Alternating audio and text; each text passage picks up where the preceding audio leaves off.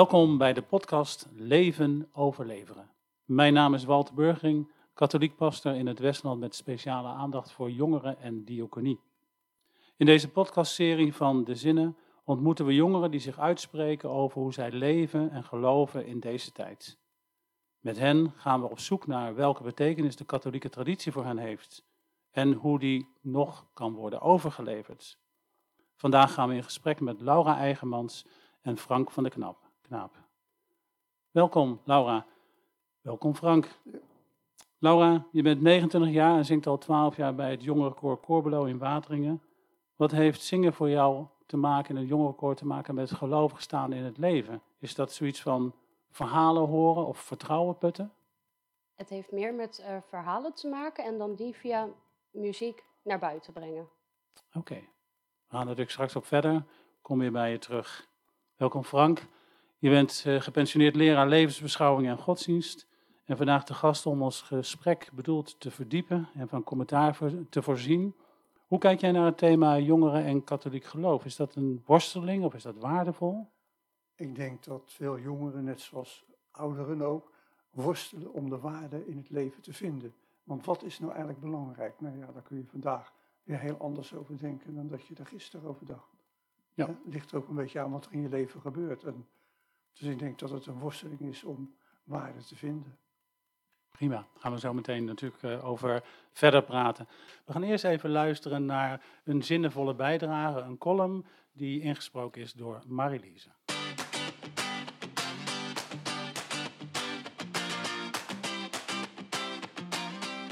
We leven in een tijdsbestek waarin een groot appel wordt gedaan op ons gemeenschapsgevoel. Tegelijkertijd zijn we sterk individueel gevormd en zijn het wellicht verleerd om met het algemeen belang rekening te houden. Eigen vrijheid en vrijheidsbeleving, een eigen belang en behoefte lijken belangrijker dan het collectieve samen optrekken. Missen we een groot samenbindend verhaal? Jongeren groeien in deze tijd op. Te midden van een wereld waarin iedereen een mening moet hebben over alles, lijkt God wel eens afwezig.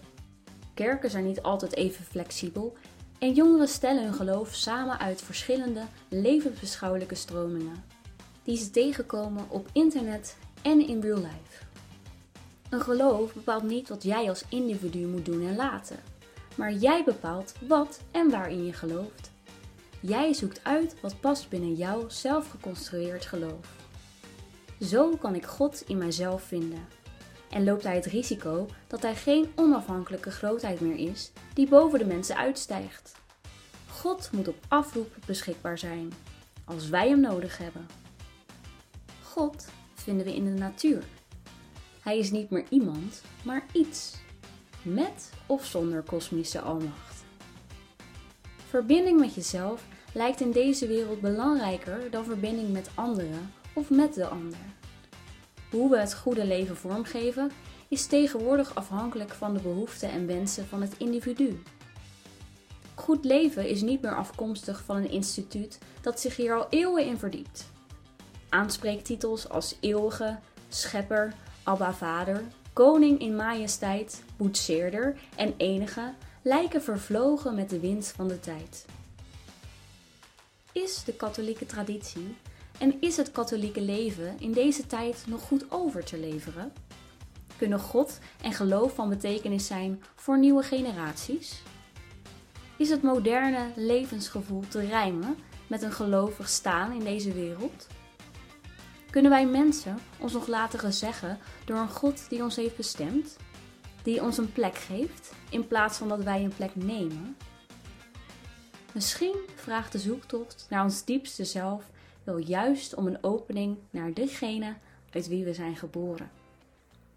Een heel, uh, heel verhaal natuurlijk hè, in deze column. Er komen heel veel zaken aan bod. Uh, Laura, als je dat zo hoort, valt er dan een zinnetje op wat jou direct aanspreekt in een positieve of negatieve manier?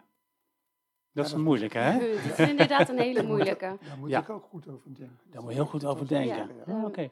Meer met individualiteit. Ja, ja. En dan toch ook met z'n allen samen zijn. Ja, ja.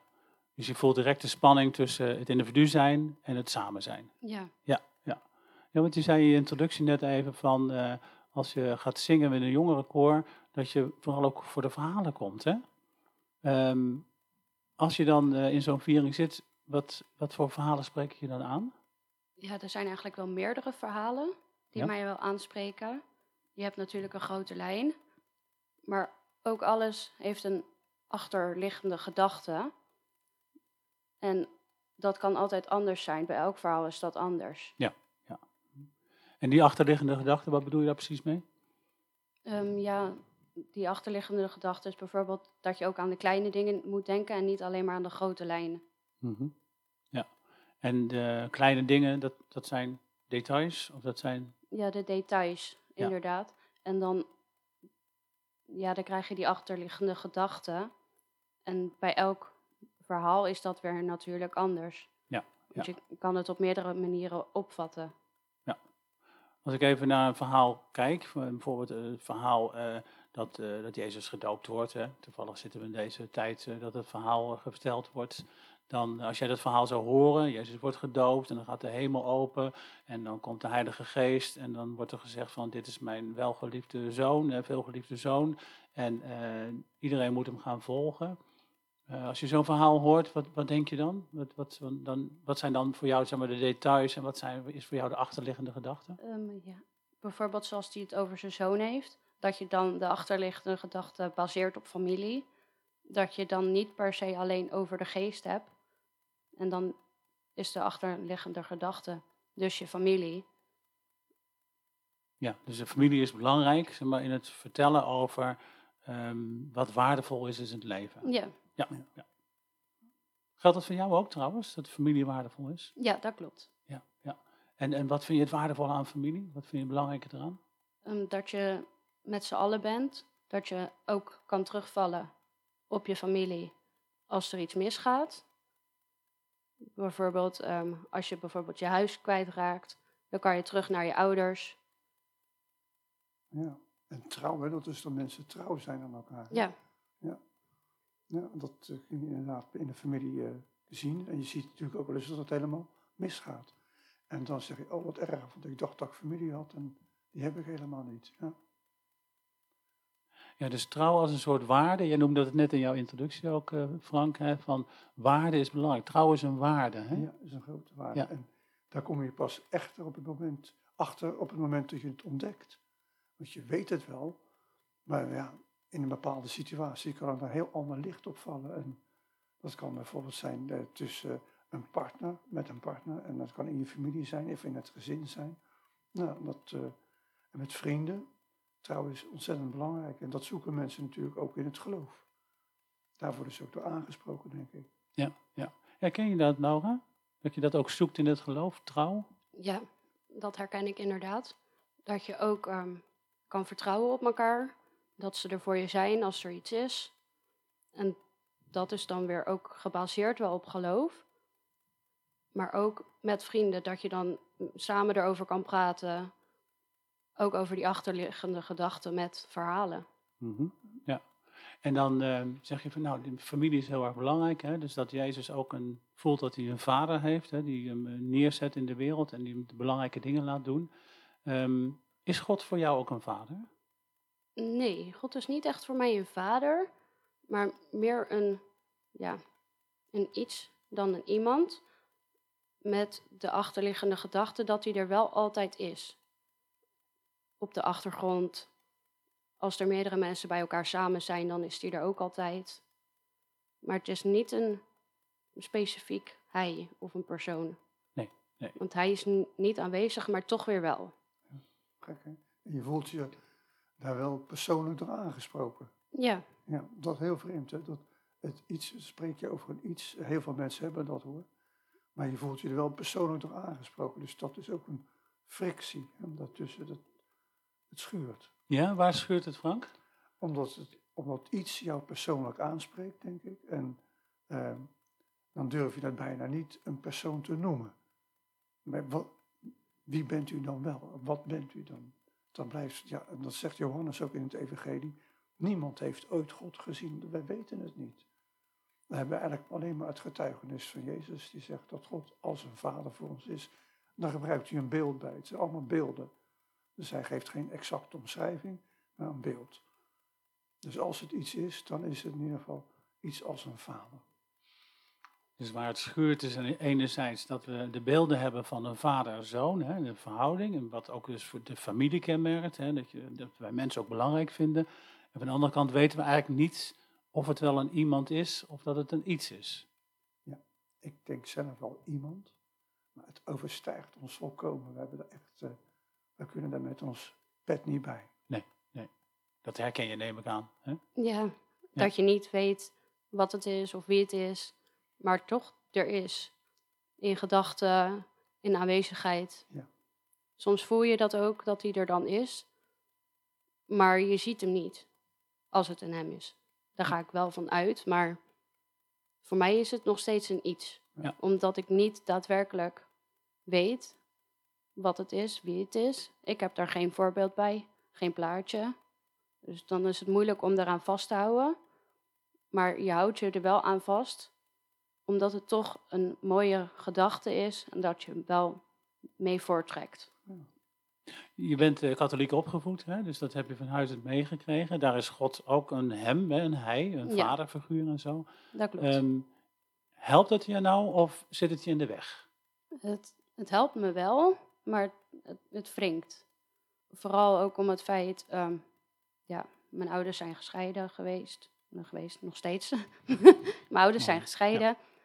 En mijn vader, die was niet in het beeld. Dus hij was wel een soort van vader voor me, maar ik heb hem nooit gezien. Dat is wel een beetje Ja. het lastige.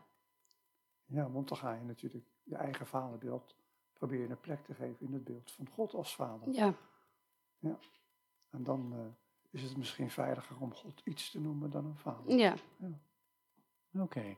En je zegt ook van hij is wel altijd aanwezig. ja. Hoe- Hij is hoe- altijd in gedachten bij je. Ook eh, bijvoorbeeld als je ergens wandelt en je bent alleen, dan kan je af en toe niet op je gemak voelen omdat er zoveel mensen om je heen lopen. Maar dan is hij er toch voor je en dan loop je gewoon stug verder. Omdat je weet van joh, hij is er. Dus dan heb je jezelf ook een beetje meer zelfvertrouwen. En dan ga je gewoon door. Dus ondanks je, je ervaring op menselijk niveau dat de vader afwezig is, kun je God wel ervaren als een aanwezigheid die met je meeloopt, Ja, die bij je is. ja, Ja. die daar eigenlijk altijd voor je is. Mooi. Ondanks mooi. dat hij er dan niet is. Dat je hem niet ziet. Ja, Ja, ja ik snap hem. Ja. Ja. Ja. En dan kun je natuurlijk wel weer eh, misschien troost putten en kracht putten uit de traditie van de Bijbel. En eh, mooie verhalen die er zijn over mensen die iets hebben ervaren van God. ja klopt. En die het ook geen, geen persoon bij konden plaatsen. Er stond laatst iemand die had God ontmoet in een skilift. En het is een wonderlijk verhaal. En, maar hij was daarvan vervuld, maar kon toch niet zeggen ja, eh, wie God dan is. Maar wel dat God voor hem alles is in zijn bestaan. En voor jou, dankjewel Frank. En, en voor, voor jou, eh, Laura, mm, zeg je van God is dus echt ook te ervaren. Hè? Ja, het is een ervaring die je krijgt. Ja. En, en eh, als God te ervaren is, hè, ehm, is hij dan ook eh, te pakken, te vatten, eh, bijna op te sluiten? Zo van ik heb je, zo? Nee, het is heel moeilijk op te vatten. Want je kan het niet zomaar vastpakken en ergens in een boekenkast neerzetten. Bij wijze van. Met de Bijbel kan je dat natuurlijk wel. Maar met God kan je dat niet. Want je weet niet waar die is of wie het is. Of dat het wel een hij is of een beeld. En toch kun je het ervaren. Ja, je kan het ervaren omdat je er ook in meegetrokken wordt in de lijn van het verhaal, waar je jezelf dan dingen ook op baseert. Bijvoorbeeld het verhaal over die eh, twee broden en die vijf vissen. Dat, dan denk ik aan met z'n allen gezellig eten, delen, maar ook aan de supermarkt. En ook aan die, eh, dat hij naar het meer ging, dat hij dan met al die manden met vissen terugkwam. Ja, maar leg eens uit van die supermarkt. Ja, omdat het over eten gaat. En ik hou wel van eh, lekker eten. Maar ook gewoon om de samenhorigheid. Ja, ja. En als je dan in je eentje in de winkel staat, ja, dan gaat alles zo snel aan je voorbij dat je gewoon haast niet kan bevatten wat er gebeurt. En vroeger moest je alles zelf zoeken, vinden, halen. En nu is ligt het gewoon voor het oprapen. Ja. En dat vind ik een beetje lastig. Ja, dat, maar dat is met God ook lastig. Want je hebt het over God ervaren, maar je kunt het niet afdwingen. Je kunt niet zeggen, nou God, kom nou eens een keer hier. En ik heb je nodig. Nee, want God laat zich niet vangen. Dus wij zijn gewoon afhankelijk van het moment dat hij bij ons komt. Ja, dat bedoel jij. Ja, Ja, nou dat is, ook, dat is het lastige ook, of het listige, zeggen Ja. mensen. eh, Dat, dat we daar geen vat op hebben. En als je daar geen vat op hebt, het is niet eh, te hanteren, ja, dan zeggen mensen ook van, nou, dan is het niet echt. Maar wanneer je God ervaart, dan proef je wel dat hij super echt is. Ja, ja. Ik ben nog even blijven hangen bij wat je zegt van eh, in, een, in een boekenkast zetten. Hè? ja, Van de Bijbel ehm, kun je in een boekenkast zetten, daar kunnen we ook iets mee. Daar kunnen we ook interpreteren. Hè? Dan kunnen we Mm, met ja de die kun je vastpakken. En met God niet. Zou je God ook willen interpreteren? Ehm, ja, hij valt niet te interpreteren. Ik weet niet of het een hij is, of een zij, of een, of een iets, of een beeld. Die, die kan je niet zomaar vinden, vastpakken. Dat, dat is gewoon haast niet te beschrijven. Er zijn zoveel verhalen over hem, maar niemand weet eigenlijk hoe hij eruit ziet. Dus dan moeten we ons behelpen met wat Frank net al even zei, met beelden van een vader, of wat in de column ook wordt genoemd, een boetseerder, of de enige, of de eeuwige. Ja, En met die beelden, daar kunnen we dan iets van zijn aanwezigheid ervaren. ja. Hij is er altijd. Maar je ziet hem niet. wa- waarom weet je dat zo zeker, dat hij er altijd is? ja, de- dat gevoel heb ik. Dat, dat, ja, dat, of het een hij is, ja, dat is nog steeds een raadsel voor mij. Maar er is altijd wel iets of een gedachte of een, ja, een soort van geest eigenlijk, dat hij er altijd is. Bijvoorbeeld, ja, eigenlijk als er iemand overleden is, dan is hij er toch nog steeds bij je. En ik denk dat meer dat is dan echt een persoon. Dus het ervaren dat eh, iemand er nog steeds is, in geestelijke vorm, zeg maar. Ja, En dus eh, in je gevoel, in je hart, in je hoofd, in je herinneringen, dat meer dan Ja. dat iemand vertrokken is en weg is. ja dat Ja. hij er altijd is. En En dan dan, doe je met iemand dat hij ook lijfelijk er is. Dus Ja, de- en dat God, dat, die is er niet lijfelijk, maar die is er wel in zijn geest. ja, die is er in zijn geest, inderdaad. Ja, ja. Ja. Dat zegt Johannes ook. God is geest. En wie hem willen aanbidden, moet hem in geest en waarheid aanbidden. Ja, Ja, dat is eh, weer goed gezien. mooi. Ehm, dit is, het gaat over God, hè. we zijn aan het, aan, het, aan het kijken van wat betekent God eh, precies voor jou. Ehm, is het ook concreet geloven? Is het ook, ehm, moet je iets doen voor anderen, voor jezelf, voor God? Ehm, ja, je moet vooral in jezelf geloven, maar ook op anderen, dat je op anderen kan bouwen en vertrouwen. Maar ook, Pittig, hè? ja, het is heel pittig. Nou, ehm, Ja, het zijn, ja ik stel makkelijke, moeilijke vragen natuurlijk. Hè. De antwoorden zijn niet altijd makkelijk en zo. Maar ehm, in ons voorgesprek zei je van, ehm, je, je wil ehm, met het geloof eh, juist ook iets eh, van betekenis zijn voor andere mensen. Ja, Hè, dus je, je leeft niet alleen op een eiland, nee, je klopt. leeft met elkaar. Ja, je bent alleen, maar ook met z'n allen. Ja, als ik dan, mag ik een vraag stellen? Als je Ja. zegt, ja, je wilt met de geloof iets betekenen voor een, ander, an- voor een ander. Maar als je nou gelooft in Ajax, wat is dan het verschil tussen geloven in Ajax en geloven in God? Ehm, ja, de, ja, God die is er altijd eigenlijk, maar ook niet. En ja, een voetbalclub, daar heb je gewoon een vasthoudend iets aan ook. Dat is tastbaar bijna. Ja, dat is dus aanraakbaar. Ja. ja, er zijn ook mensen die zijn er helemaal weg van. Hè? Ja, nou, En die zeggen, nou, Ajax heb ik altijd in mijn hart zitten. Ik ben helemaal één met die club. En als je dan, maar ja, dat is dus, in die categorie praat jij dus ook als je het over God hebt. Dat je, ja, m- een beetje, maar niet helemaal. oké, Hij is er altijd, ook in mijn gedachten. Maar het is ook ehm, ja, dat het lastig te aanvaarden is.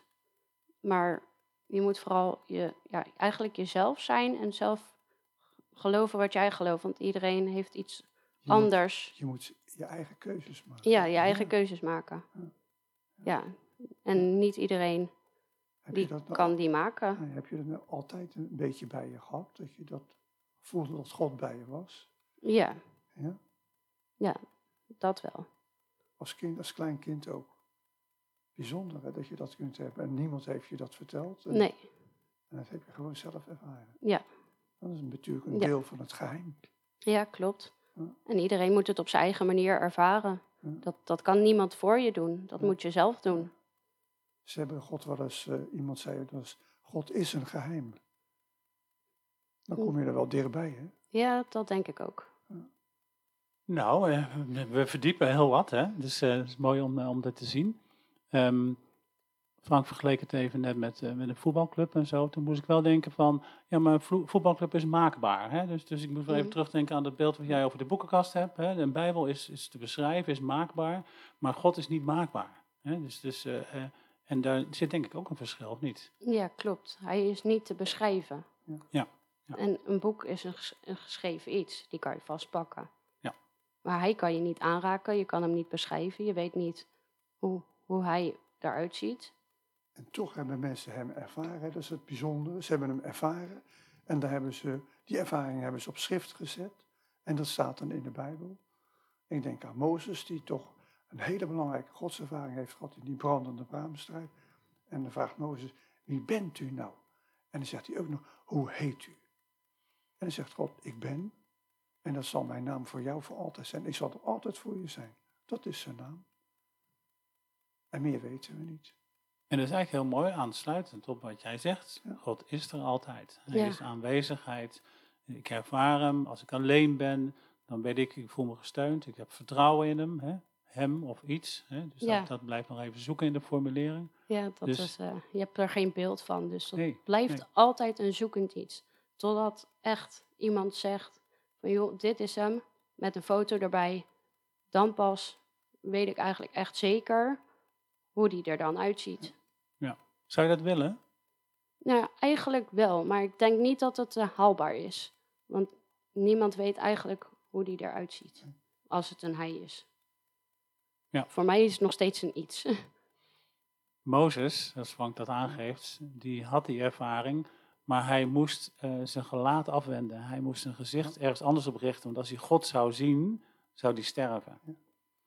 En is wel mooi dat ik dan zeg van, nou eigenlijk zou ik het wel willen. Hè? En misschien is dat precies wat Frank ook zegt, het geheim. Hè? Eh, Ja. dat, we zouden dat geheim wel willen ontrafelen en het wel te pakken nemen.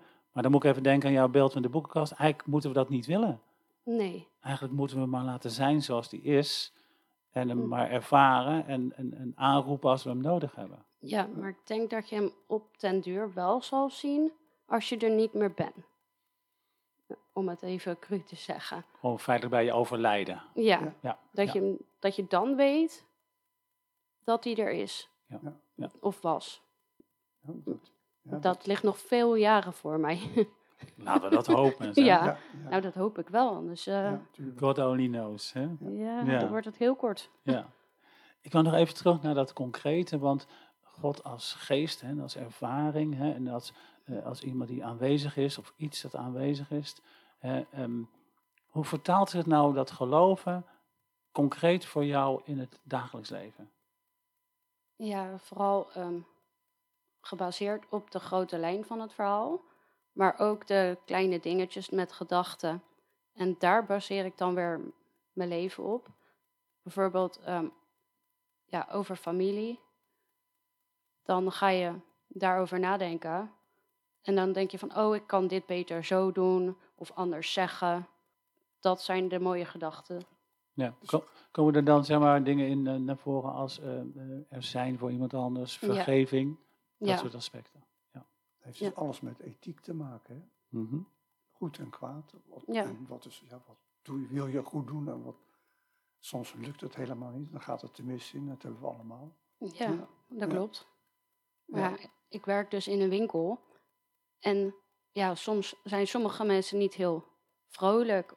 En ja, om dan negatief terug te gaan lopen doen, dat schiet niemand op. Nee. Dus ik bekijk het altijd positief. En zorg ook dat mensen gewoon dan, als ze weggaan, wat een stukje vrolijker zijn.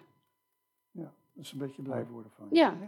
Dat ja, is- want je moet je eigen positiviteit ook doorgeven aan anderen. Ook al hebben hun misschien een slechte dag. Als ik nou, nou zo hoor praten, dan denk ik bij me, hoe sta jij nou bijvoorbeeld tegenover bidden? Mm, ja, vroeger deed ik dat best wel vaak, eigenlijk. Maar op den duur is dat wel iets minder geworden. Ik doe dat nu vooral puur alleen nog echt als ik ergens mee zit of zijn hulp nodig heb, eigenlijk. Ja. Bidden is natuurlijk toch ook met je hart en je gevoel contact zoeken met, met Ja. God. Hè? Ja, en als je dan gewoon aan een God denkt, dan is dat misschien toch ook een mooi begin van Ja, wat wij dan bidden noemen. Hè? ja. Soms ga je er gewoon voor zitten. En dat is dan wat ik doe, gewoon daar echt voor gaan zitten. Mhm. En in het dagelijks leven is- iedereen zo druk bezig dat je er gewoon haast geen tijd voor hebt, eigenlijk. Omdat je zoveel aan je hoofd hebt.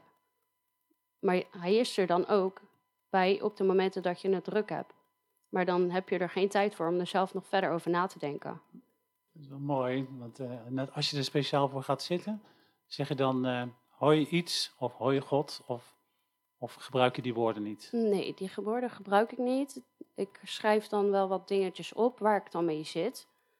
En dan ja, zeg ik het niet specifiek of hardop, maar dan zeg ik het meer in mijn gedachten. Mhm. En ik denk dat hij me dan ook wel gewoon hoort. En levert bidden je iets op? Ja, wel een beetje meer rust in mezelf. En ook het feit dat je er dan extra over nadenkt. En dat je dan altijd wel met een oplossing komt voor als je een probleem hebt. Dat je daar echt meer gefocust op bent. Ja, mooi, mooi. Goeie vraag ook, Frank. Ja. Ja, ja, mooi, over bidden. Hè, dus eh, je ziet in de Bijbel heel vaak dat Jezus ook als er moeilijke dingen staan te gebeuren of zijn geweest, hè, de dood van zijn neef, wordt Johannes de Doper, dat hij zich terugtrekt. Hè. Er Ja. staat er vaak bij in eenzaamheid om te bidden. Hè, om juist die band met zijn vader, hè, zoals hij dat heel sterk voelt, om dat ook eh, weer aan te trekken. En wat jij aangeeft ook, denk ik, hoe jij het nu doet in deze tijd, om inzicht te krijgen, om, eh, om de zaak op een rijtje te krijgen. Misschien ook wel een beetje om ehm, te beseffen dat je maar een heel klein schakeltje bent in een heel groot geheel. Waar wij als mensen helemaal geen inzicht of overzicht van hebben, maar waar God dan, ja, denk ik, toch wel iets van een overzicht over heeft en waar hij ook wel iets in kan doen, denk ik. Ja, dat denk ik ook. Dat is ook echt een momentje van bezinning. Ja, dan denk ik dat God het, dan kan God iets betekenen voor ons. Maar veel doen, wij zullen het zelf moeten doen. En Ja. daar, wil, daar helpt God wel bij. Hij geeft ons kracht en ideeën en inspiratie. Maar wij moeten het zelf doen. Ja. Als Zo je- zie ik dat een beetje. Maar waarom hebben we hem nodig dan? Ja, om eh, ideeën te krijgen hoe wij zelf goed kunnen leven. Hoe we kunnen werken aan ons eigen geluk en het geluk van een ander. En we ook een beetje vertrouwen vinden eh, in het leven. Dat het leven niet eenmalig en niks is. Dat we niet verdwijnen in het niks, maar dat wij opgevangen worden door God. Ik denk dat dat is, dat is voor mij een beetje de essentie. Zij kan ons helpen, ondersteunen uiteindelijk om het Ja, beste uit onszelf te Ja. halen en een goed leven vorm te geven. Ja. Ja. Hoe ziet goed leven voor jou eruit? Wat is een goed leven? Een goed leven ehm, ja, is met familie en vrienden. Dat je met z'n allen er voor elkaar ook bent. En ook op elkaar kan vertrouwen. Ja, en ook de, de ik persoonlijk, zeg maar, zelf. De, als je dan ja, je eigen doelen stelt en uiteindelijk dat doel gehaald hebt. Bijvoorbeeld als je op school zit, dan heb je een doel om het af te maken. Zo, die richting op eigenlijk. En vooral zeg maar familie, vrienden, het er zijn voor elkaar. Ja. eh, Het, het waardevol vinden om Ja. met elkaar te zijn, dat, eh, dat is het mooiste. Ja. Ja, Als ik jou zo hoor, dan denk ik dat geloven ook nog best wel een, eh, een ontdekkingstocht is. Dat er elke keer weer nieuwe dingen zich aandienen. En dat, eh, je noemt het ook de grote lijn, die wil je graag horen, die wil je graag oppikken. Hè? Nou, die Bijbel kun je af en toe uit die boekenkast halen. ja. Hè, om daardoor geïnspireerd te raken. Af en toe de tijd nemen om even te bezinnen. Waar brengt de ontdekkingstocht jou in geloven? Waar wil je uitkomen? ja, daar is eigenlijk altijd iets te leren. En ook door de kleine puntjes in de, de grote lijnen, zeg maar. De kleine, ja, hoe zeg je dat? Kleine gebeurtenissen. Ja, de kleine gebeurtenissen of de momenten dat iets wordt gezegd, dat je daar ook op focust, dat je meer uh, nadenkt en gedachtenis daaraan geeft, dan alleen aan die grote lijn. Er valt zeg maar ten alle tijden wat te leren, want in elk verhaal zitten wel vier of vijf andere verhalen verwerkt. Ja, en dat geeft jouw leven dan betekenis.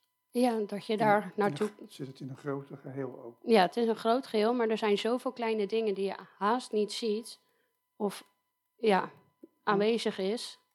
En dan pas jij toch in dat grote geheel en dan klopt het nog ook. Ja, ja want van alle kleine beetjes maak je één groot geheel. Ja. Zoekend, hè, ontdekken en zo.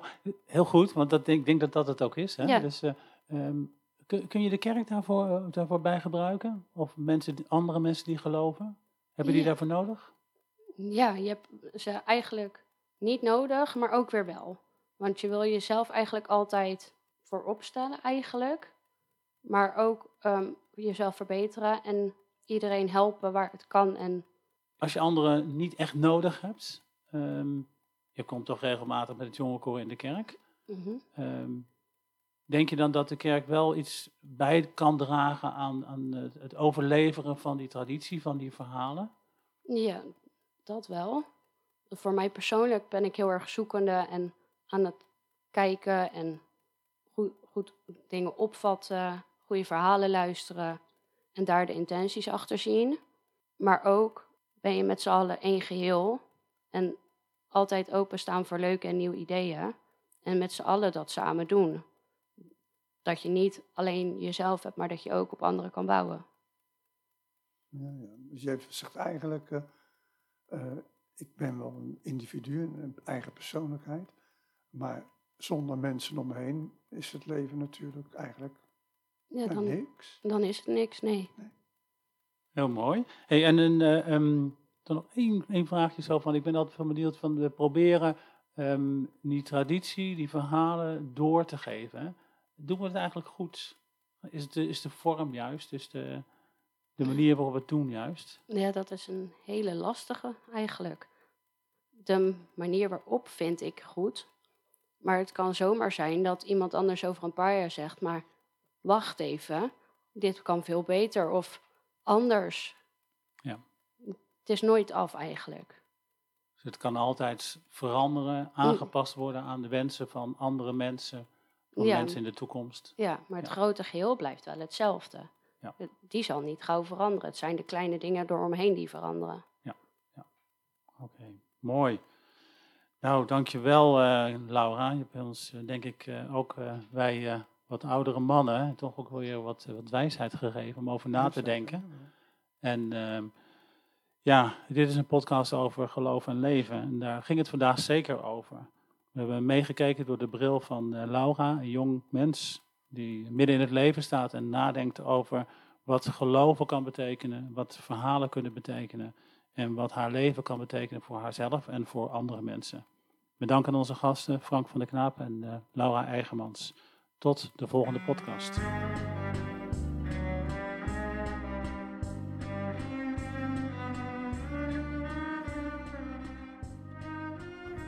Deze reeks is geproduceerd onder verantwoordelijkheid van de zinnen. Meer weten over de activiteiten van de zinnen? Ga dan naar www.dezinnen.nl voor het programma-aanbod. Deze podcastserie is mede mogelijk gemaakt door projecten in Nederland van de Conferentie Nederlandse Religieuzen en de Sint-Elisabeth-parochie in Watering.